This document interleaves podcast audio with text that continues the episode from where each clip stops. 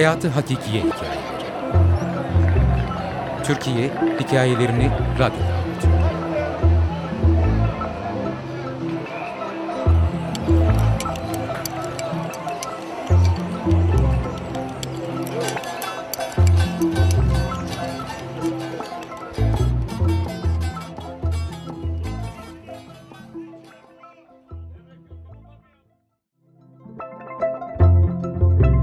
Stat'taki Yalnızlar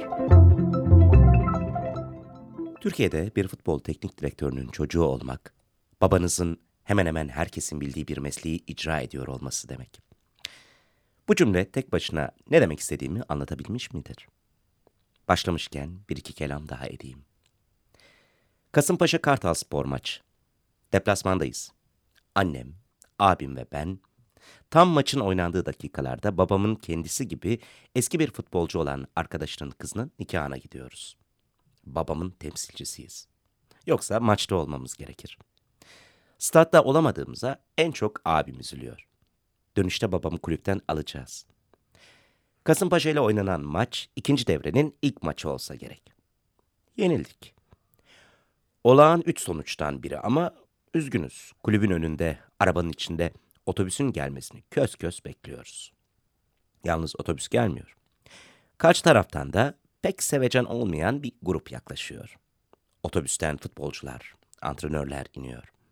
Karşıdan gelen grup o yöne doğru kararlı adımlarla ilerliyor. Çok mu yaklaştılar? Bir şey mi olacak tedirginliği içinde olduğumu hatırlıyorum. Derken ortalık karışıyor. Gözüm hep babamda. Önce abimin arabadan neredeyse atladığını hatırlıyorum ceketini fırlatışını, annemle arkasından nasıl koştuğumuzu, kalabalığa karıştığımızı, babamı ve abimi çekip almaya çalıştığımızı. Sonra kırılan kulüp camları, yukarı katlara çıkarılışımız. Tam olarak ne kadar bekledik hatırlamıyorum. Ama uzun olduğunu hatırladığım bir süre sonunda polisler eşliğinde ayrıldık. Neden mi? Yaklaşan grubun sattın maçı hoca diye bağırmasından. Bu grup kendilerini taraftar olarak adlandırıyor ama ben onlara taraftar diyemiyorum. Taraftarlık böyle bir şey olmasa gerek. Grup en hafif, en iyimser sözcük onları tanımlayan. Babam diye söylemiyorum, bilen bilir. Asla kıyamam ama iltiması da sevmem. O yüzden tarafsız bir gözle söylüyorum ki çok emek vermiştir çalıştırdığı takımlarda. Canla başla çalışarak, dürüstçe, kafasına takarak, kendinden vererek, herkesten çok sahiplenerek. Dilerim kıymetini bilmişlerdir diyeceğim de diyeyim hadi. Böyle bir insana maçı sattın demek, verdiği mücadeleyi bilmemekten kaynaklanan kör cesaretle edilen ne büyük bir hakarettir.''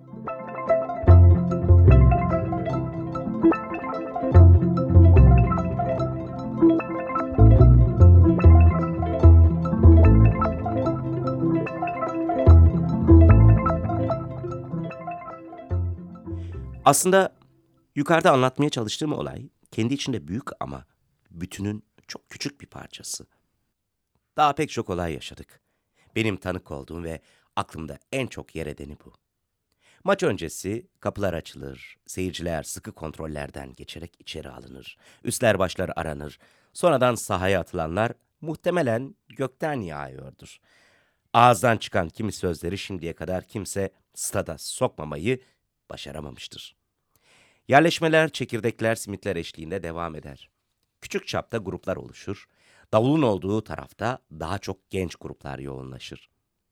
Benim gözlemlerim daha çok ikinci ve üçüncü liglere ilişkin tezahüratlar, konuk takıma özgü karşılamalar, tribünler arasında takımın renklerinden oluşan düetler.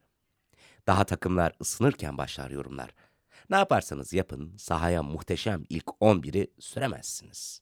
Dert değil. Maç başlamadan önce nispeten daha ılımlı olan kimi gruplar maç sırasında durum kötüye gidiyorsa destek kuvvet olmayı bırakır. Bırakınca da bir şeyler olur işte. Ben de taraftarım. Beşiktaşlıyım kendimi bildim bileli. Çok da mutluyum bu yüzden. Yani Beşiktaşlı olmak mutluluk işte. İyi ki başka bir takımı tutmamışım derdim çocukken. Başka bir takımı tutmak kötü gelirdi. Elbette söylenecek çok şey olur Beşiktaşlığa dair ama ben en çok şunu derim.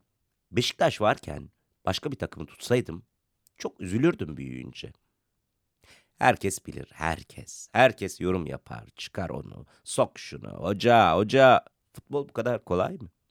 Hiç oynamadan sadece izleyerek eleştirilebilir mi?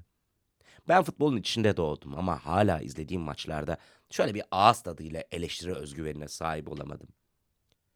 Çok yazılacak şey var bu konuda. Benim için çok saygıdeğer bir meslek futbol. Ekmek kapısı. Ailece her hafta oynanan maçlarda yaşadığımız gerilimi anlatma olanaksız. Ama çok güzel şeyler de yaşadık. Zordur maçı kazanırken bile kendi taraftarınızın sizin aleyhinize bağırması. Bir takım puan kaybedince en çok kim üzülür biliyor musunuz? En çok takımın teknik direktörü ve onun ailesi üzülür. Ne başkan, ne yöneticiler, ne futbolcular, ne yardımcı antrenörler, ne onların yakınları ne de taraftarlar. Yüreklerine kocaman bir şey oturur onların. Stat kalabalıktır ama yalnızlardır.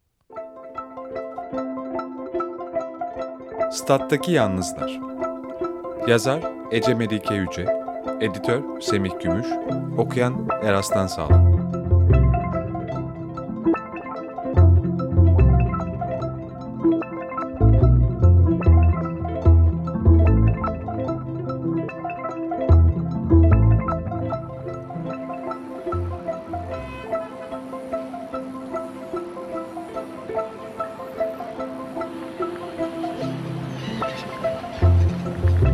Hayatı Hakikiye Hikayeleri Türkiye Hikayelerini Radyo'da